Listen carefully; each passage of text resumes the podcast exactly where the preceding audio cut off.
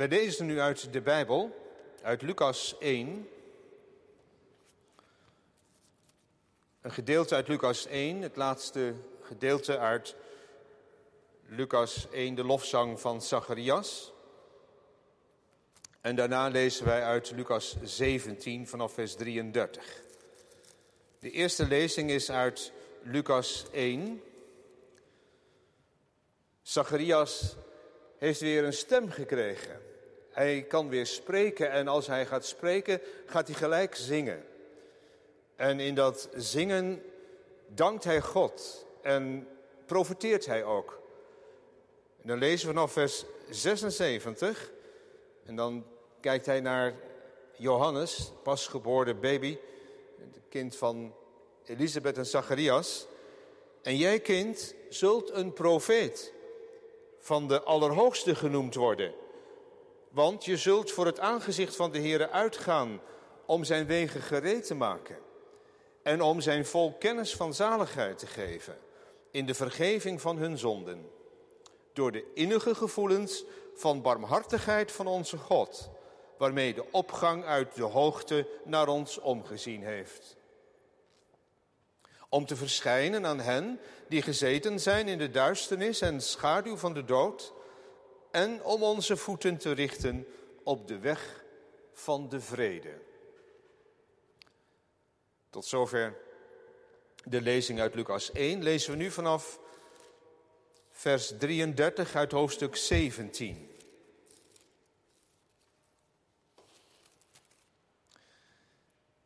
Van de profetie van, van Zacharias over de vrede en over de toekomst lezen wij nu woorden van Jezus die ook over de toekomst gaan van Hem. De dag van het oordeel komt. We verwachten een tweede komst, advent. En bij die tweede komst zal het zo toegaan. Dan lezen vanaf vers 33. Wie zijn leven zal proberen te behouden, zal het verliezen. En wie het zal verliezen, zal het behouden. Ik zeg u, in die nacht zullen er twee op één bed zijn. De een zal aangenomen en de ander zal achtergelaten worden. Twee vrouwen zullen samen malen. De een zal aangenomen en de ander zal achtergelaten worden. Twee zullen op de akker zijn. De een zal aangenomen en de ander zal achtergelaten worden. En zij antwoordden en zeiden tegen hem, waar, heren? En hij zei tegen hen, waar het lichaam is, daar zullen de gieren, de arenden zich verzamelen. En hij sprak ook een gelijkenis tot hen, met het oog daarop dat men altijd moet bidden en niet de moed verliezen. Hij zei, er was in een zekere stad een rechter die God niet vreesde en geen mens ontzag. En er was een weduwe in diezelfde stad. En ze kwam voortdurend naar hem toe en zei, doe mij recht tegenover mijn tegenpartij. En hij wilde een tijd lang niet. Daarna echter zei hij bij zichzelf, hoewel ik God niet vrees en geen mens ontzie, toch zal ik, omdat deze weduwe mij lastig valt, haar recht doen, opdat zij uiteindelijk niet komt en mij in het gezicht slaat.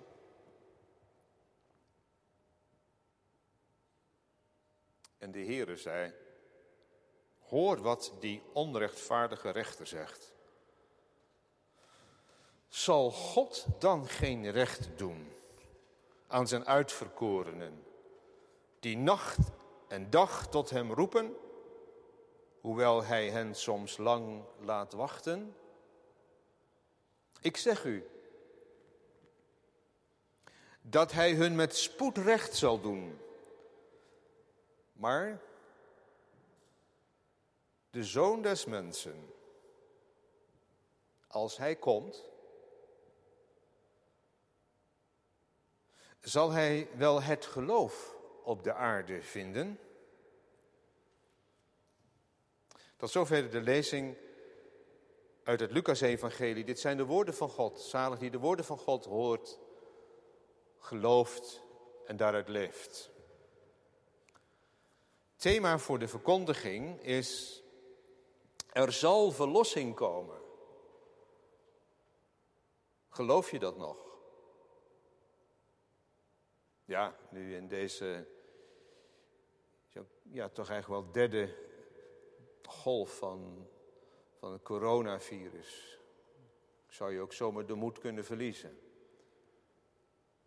Maar er zal verlossing komen. Geloof je dat nog?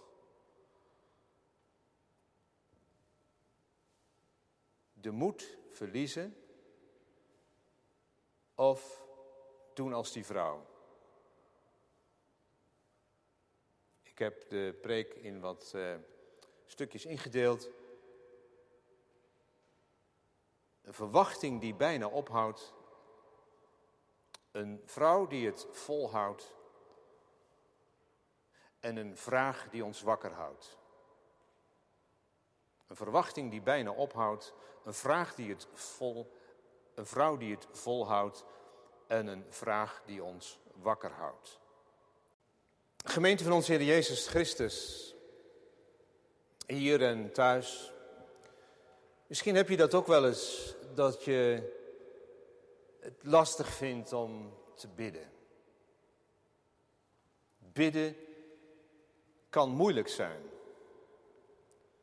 Het kan zijn dat je te druk in je hoofd bent. Het kan een situatie zijn in je gezin, in je huwelijk, op je werk, waardoor het heel moeilijk is om je te concentreren of je ook wel moedeloos maakt. Komt er nog iets van terecht? Komt het wel goed? Of depressieve gevoelens kunnen je overvallen of je gaan overheersen. En alle mooie woorden van mensen en goed bedoelde boodschappen, appjes, ze komen niet echt binnen. Als bidden moeilijk is.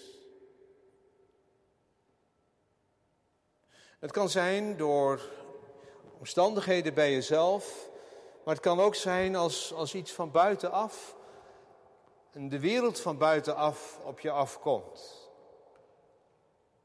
Ja, nu daagt het in het oosten, het licht schijnt overal. Hoezo? Waar dan? Ik heb dat wel. Zeker in deze tijd.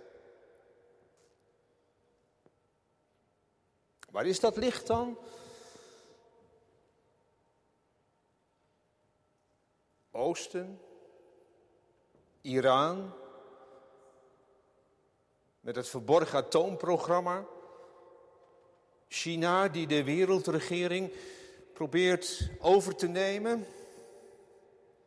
En dan dat verschrikkelijke virus. Ja, we houden ons hart vast. Waar gaat het naartoe? We zitten nou nog samen hier. Of in ieder geval thuis kun je natuurlijk online blijven, maar moedeloosheid kan je zomaar overvallen. En ik denk daar soms ook heel erg over na. Ik, het houdt mij echt wel eens bezig dat ik, dat ik het soms ook even niet meer weet.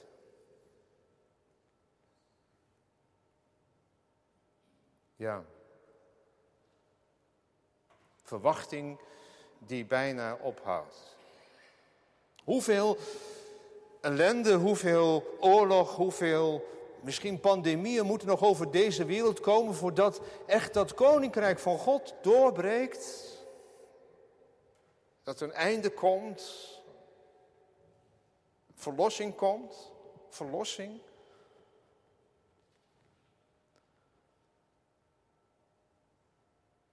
Ja.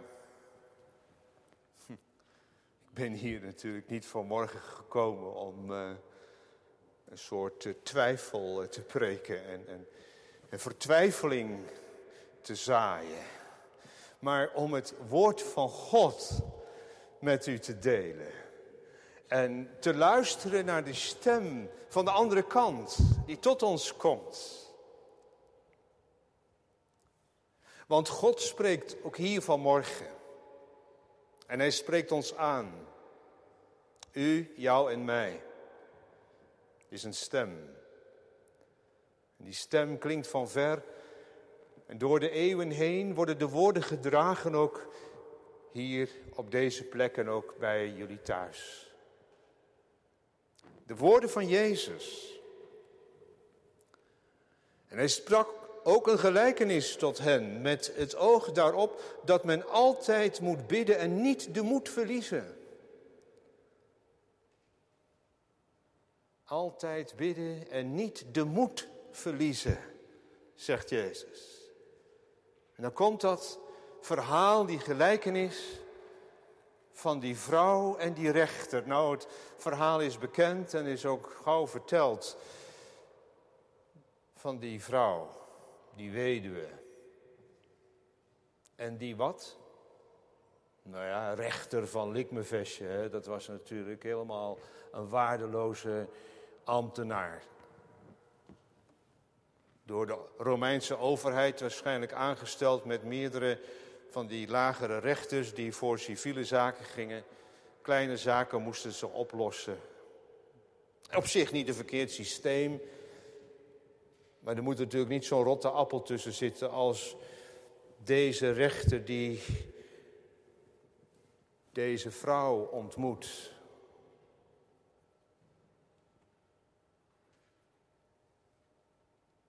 Jezus, hij tekent hem als iemand die God niet vreest en geen mens ontziet.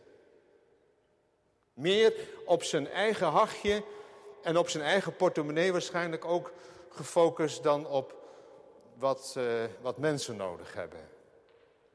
Een eerlijk proces.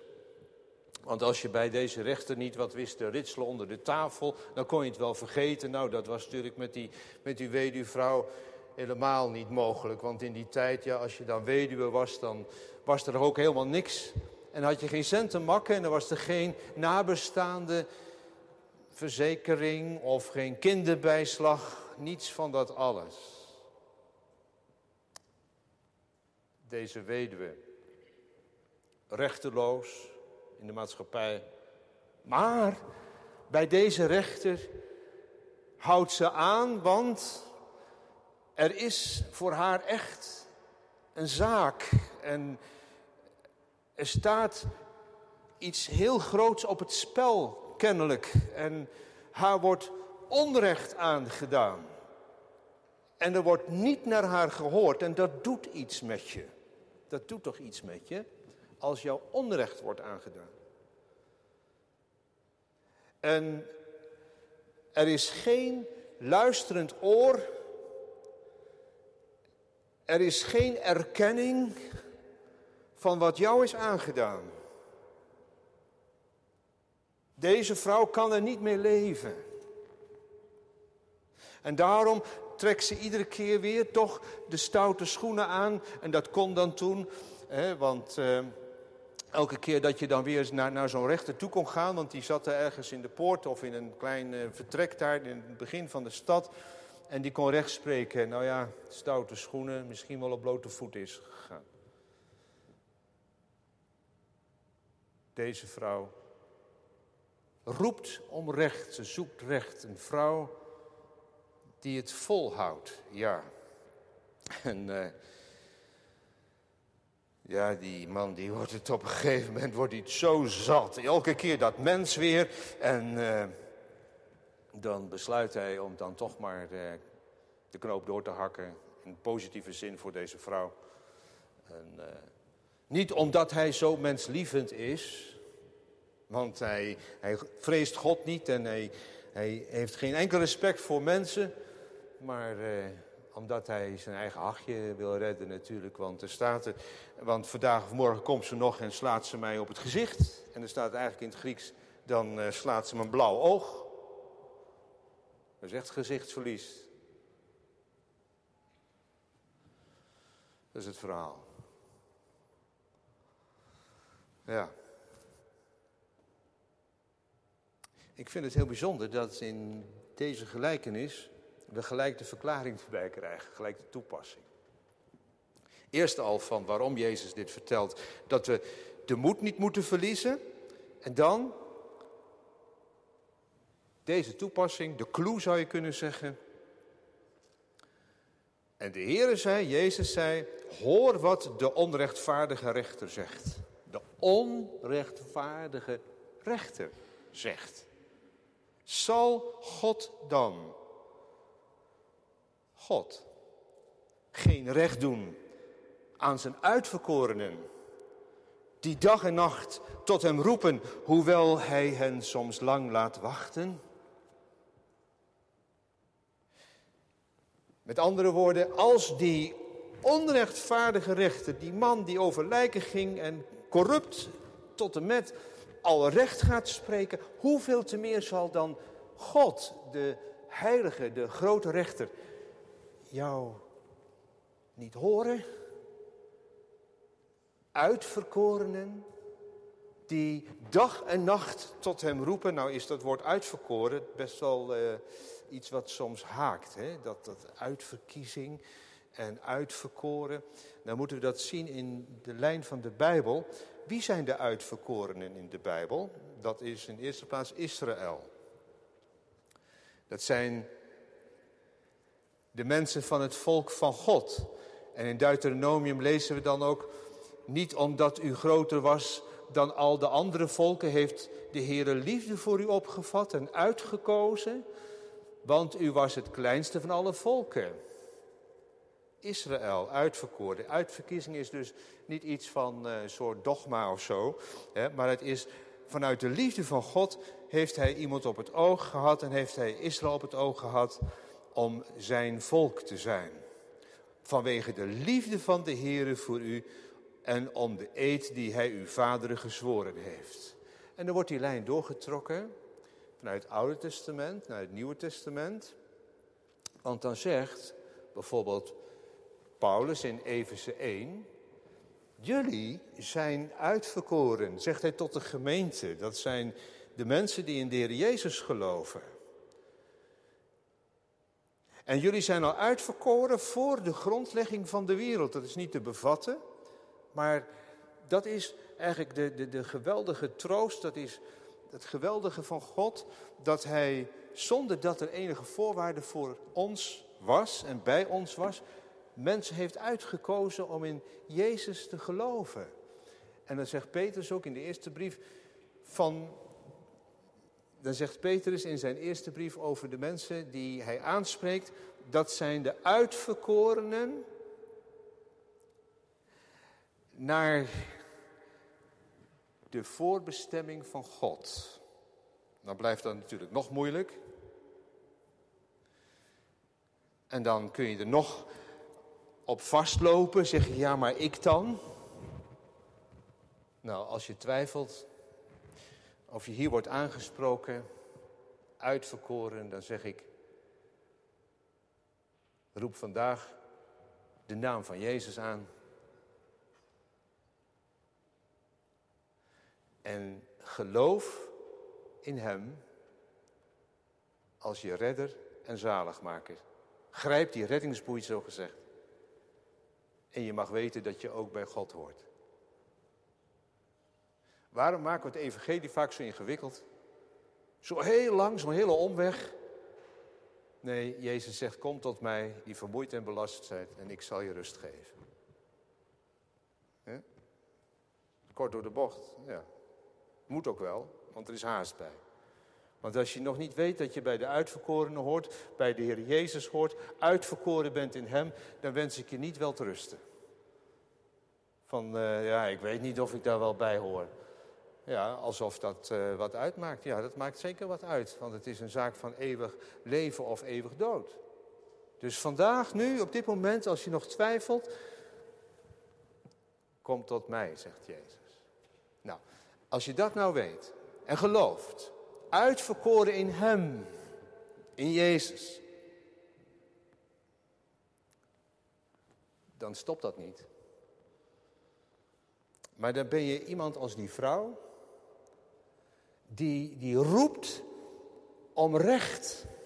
Hoezo dan? Uitverkoren. De vrouw is een beeld van, zo kun je zeggen, Israël in de kerk. En ook beeld van de kerk bestaat uit Joden en Heiden. Die roepen om recht. Beeld van de kerk die leidt onder het onrecht.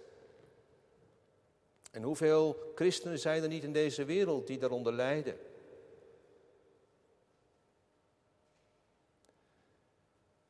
En daar mag je ook als christen God om aanroepen, om recht. Dat je tegen dat onrecht dat er in de wereld is, tegen die achteruitzetting, tegen discriminatie, tegen alles wat dwars staat op dat leven zoals God het heeft bedoeld, mag ingaan en protesteren. Onrecht in deze wereld, waar zoveel mensen te lijden hebben. Een honger, een achterstelling. Zoveel mensen hebben te lijden Terwijl een groot deel niets heeft, is een klein deel van de wereld die alles opmaakt. En als kerk hebben we daartegen in te gaan en te roepen om recht. Zal God dan geen recht doen? Ja, dat zal Hij doen. Maar daar zijn wij wel verantwoordelijk voor. Ook wij zelf. Ik denk aan Pater van de Lucht. Misschien herinner je me nog. Die pater in Homs. Toen heel die stad gebombardeerd was, bleef hij op zijn post. Volhouden, volharden. Roepen om recht. Zal God dan geen recht doen aan zijn uitverkorenen, die dag en nacht tot hem roepen? Hoewel hij hen soms lang laat wachten. Soms kun je er moedeloos van worden. Maar God heeft zijn eigen plan van actie. God heeft zijn eigen reddingsplan in Jezus. Al duurt het al 2000 jaar, dat er nog steeds niet die verlossing gekomen is die wij hebben verwacht en mogen verwachten. Bij God zijn duizend jaren één dag. En zijn we eigenlijk maar twee dagen nog op weg naar die toekomst. Volhouden, volharden, dat roepen om recht. Ja, dat het in deze wereld niet zo kan doorgaan zoals het nu gaat. Soms word je er moedeloos van. Maar Jezus zegt dat we altijd moeten bidden en niet de moed verliezen. En dat is dan niet maar bidden om, eh, om je persoonlijk heil en alles wat er ook in je eigen leven nodig is. Maar dat is dat bidden om gerechtigheid. De focus op het koninkrijk van God. Zoek eerst het koninkrijk van God en de gerechtigheid die daarbij hoort. Zijn we dat soms vergeten? Het kan maar zo. Een vraag die ons wakker houdt, tenslotte. Maar de zoon des mensen, als hij komt, zal hij wel het geloof vinden op de aarde. Het geloof. Moet je niet overheen lezen. Niet geloof. Ja, er zal wel geloof zijn. Er zullen, als Jezus terugkomt, wanneer hij terugkomt, gelovige mensen zijn. Maar zijn wij dan ook zo gelovig dat wij uitziende mensen zijn. Mensen die hem verwachten, adventsmensen. Die uitzien naar zijn toekomst. Daar gaat het hier over. Want in het gedeelte hieraan voorafgaand, in Lucas 17 heeft Jezus gesproken over de grote dag van het oordeel. En dat er op die dag een scheiding zal plaatsvinden tussen degenen die hem hebben gediend en degenen die hem niet hebben gediend. En dat is een tekst die kan schuren. Ja, zo radicaal is het. Het evangelie is radicaal. Er zit niks tussen. De een zal aangenomen en de ander zal achtergelaten worden. Dan kom ik weer even terug op die reddingsboei. Als je die hebt ook vastgegrepen en je door die reddingsboei bent vastgegrepen, door Jezus Christus gered, mag je weten dat je niet achtergelaten wordt als Hij komt. Maar er is meer over te zeggen. Het is een vraag die ons wakker houdt. Deze vraag. Die je soms misschien ook wel een beetje kan ontregelen als je in je eigen bubbel zit. Je eigen luxe leven of minder luxe of hoe dan ook. Maar dat die stem van die mensen die, die roepen om recht, die stem van de armen, de stem van de ellendigen, de stem van de misdeelden, de stem van de zwakken. Dat kan ook zijn in je eigen buurt waar je woont, als je die niet hoort. Als je die vrouw niet ziet die het moeilijk heeft in je eigen omgeving. Als je die man niet ziet die, die al zo lang eenzaam is, dan kan het maar zo zijn dat wij vergeten waar het in het leven om gaat. Ja, dat we behouden, dat we gered zijn, dat we zelf gered zijn, maar ook dat we niet in slaap vallen. Want dat is net met die gelijkenis van die meisjes, hè, die tien meisjes. Waze meisjes, wijze meisjes, daar spreekt de Heer Jezus ook over. En dan zeggen we, ja, je moet dan wel bij die wijze meisjes horen, maar die wijze waren ook in slaap gevallen. Moet je niet vergeten. En het was niet in hun voordeel. Dus een vraag die ons wakker houdt. Zal hij ook het geloof vinden bij jou, bij u, bij mij? Dat adventsgeloof, dat uitziet naar hem, dat hem verwacht. Want wij zijn niet geschapen voor de ellende. Wij zijn niet geschapen voor dat virus. Ik zou bijna zeggen dat ellendige virus. Want dat is, eigenlijk is dat, ja, je kunt zeggen dat is een vijand. En waarom zeg ik dat is een vijand? Ja, we gaan dat virus te lijf met, met allerlei onderzoeken en met uh, vaccins en zo. Maar het is nog een andere zin, is het een vijand. Dat dat virus en alle ziekte en alle ellende die daaromheen zit, staat en valt onder de categorie van wat God niet wil. En wat wil God niet? God wil geen ziekte, God wil geen dood. Ja, maar dan worden toch mensen ziek en dan moeten toch in berusten. En dat kan inderdaad, kan dat ook een, een, een manier zijn van God om ons te beproeven. Maar ten diepste gaat het niet om ja, dat wij geschapen zijn voor ziekte of voor begrafenis, maar wij zijn geschapen voor het feest. Wij zijn geschapen voor de bruiloft. Wij zijn geschapen voor die toekomst. En daarom in deze tussentijd, ja, er is veel ellende en er is ziekte en er zijn pandemieën en we weten niet wat hier nog het einde van is.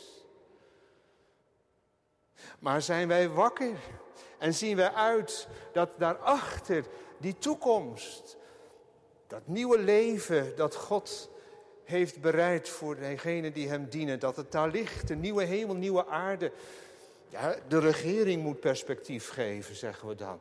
En uh, dat hoorde ik gisteren ook nog weer even zeggen. Ja, weet je hoe het nou komt dat het niet zo goed gaat hè, in Nederland en dat we ons niet aan die maatregelen houden? Dat komt omdat de regering te weinig perspectief geeft.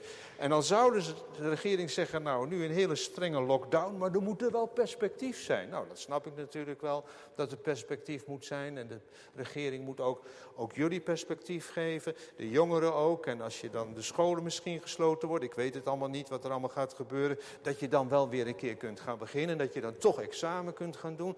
Maar dat is niet het enige waar het hier om gaat. Zal hij ook het geloof vinden? En dat is dit geloof dat wij geloven. Dat het perspectief er al is. In Jezus. In dat licht. Het uitzicht. Dat hij komt. Net zo zeker als hij gekomen is. 2000 jaar geleden, al die beloften van het Oude Testament. Heeft heel lang geduurd hoor. Heeft eeuwig geduurd. 4000 jaar, 6000 jaar, nee, ik weet niet precies. Hoef ik niet te weten. Maar dat hij nu, ook net zoals hij toen is gekomen, zeker zal komen. En dat is ons perspectief. Er komt verlossing, er zal verlossing komen. Geloof je dat nog? Laten we elkaar niet in de put praten. Laten we elkaar ook hier vanmorgen en ook thuis bemoedigen. Hij komt. Hij komt terug. En misschien hoe spoedig, ik weet het niet. En als het dan lang duurt, lang duurt, dan is het de spoed van God. En in die tussentijd houden we ons bezig met gerechtigheid. In die tussentijd bekeren we ons. In die tussentijd zoeken we elkaar op. In die tussentijd betonen we liefde voor elkaar. In die tussentijd bestrijden we dat virus. Ja, natuurlijk. Maar de laatste vijand die er niet gedaan zal worden, is de dood. En daar gaat het naartoe. Dat virus is een vijand dat, die staat in het kader van de dood die te niet gedaan zal worden. Dit is niet het laatste. Er is toekomst. Er is hoop. Er is verwachting. Laten we ons door meenemen. Laten we ons door bemoedigen. En laat ook hier vanmorgen, en waar dan ook het evangelie wordt verkondigd, ook dit klinken. Hij komt.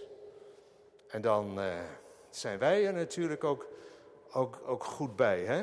Dan zijn we er ook gered bij. Dan zitten we er gered bij. En niet als mensen die dan nog zeggen: Oh, bergen valt op ons, heuvel bedekt ons. Dat we dan nog gered moeten worden, is het te laat.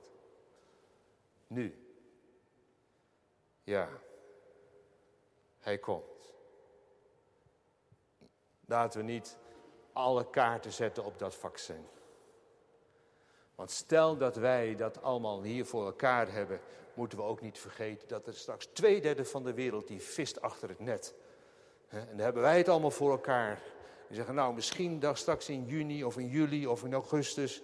En dan hebben wij, zijn we allemaal netjes ingeënt, tenminste degene die dat willen.